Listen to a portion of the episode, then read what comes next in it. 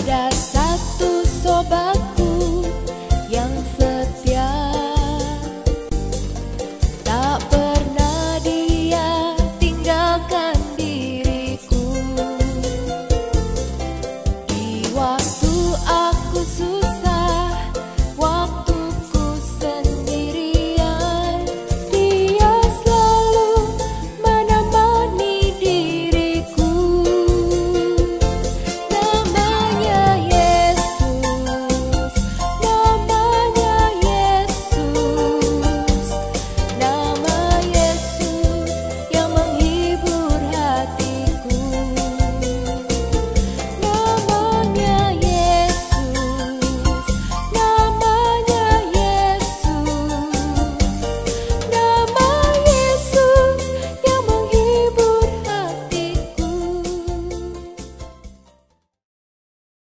Selamat pagi saudara-saudara yang dikasihi Tuhan Yesus Kristus. Kita bersyukur kita menapaki pekan yang baru.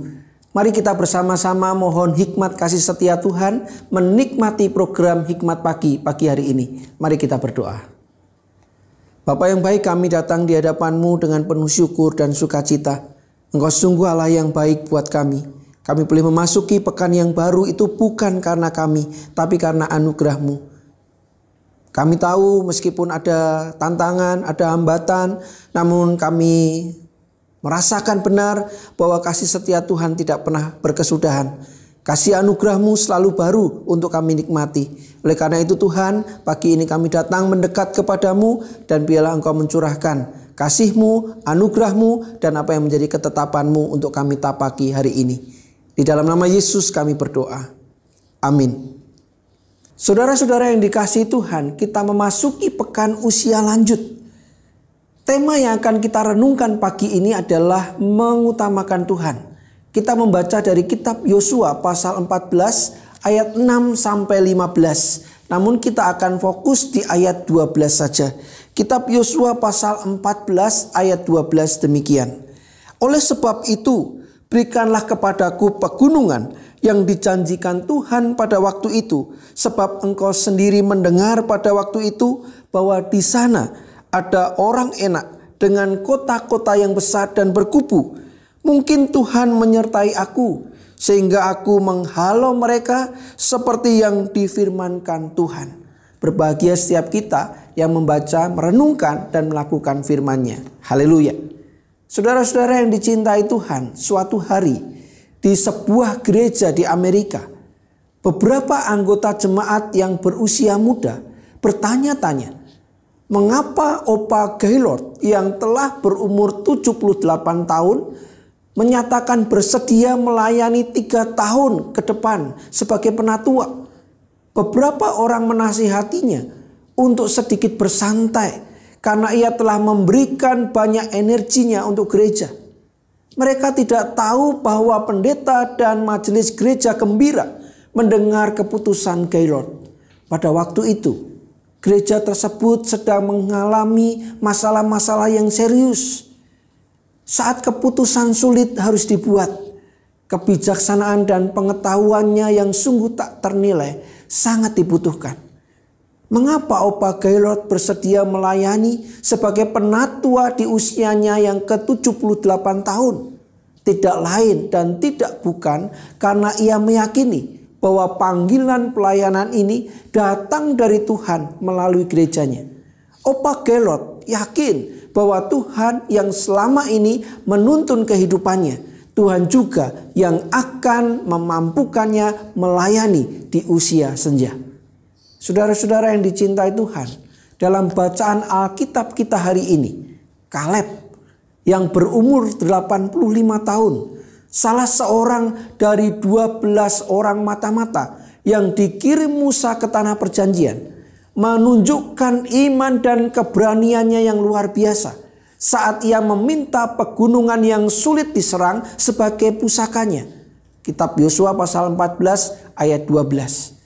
Kaleb memutuskan meminta pegunungan yang dihuni orang enak dengan kota-kota yang besar dan berkubu.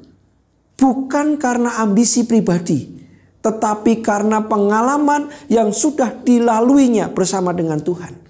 Sebagai seseorang yang sudah memasuki usia senior, Kaleb sadar bahwa pengalamannya bertahun-tahun bersama dengan Tuhan akan memampukan dia menaklukkan pegunungan yang susah diserang itu.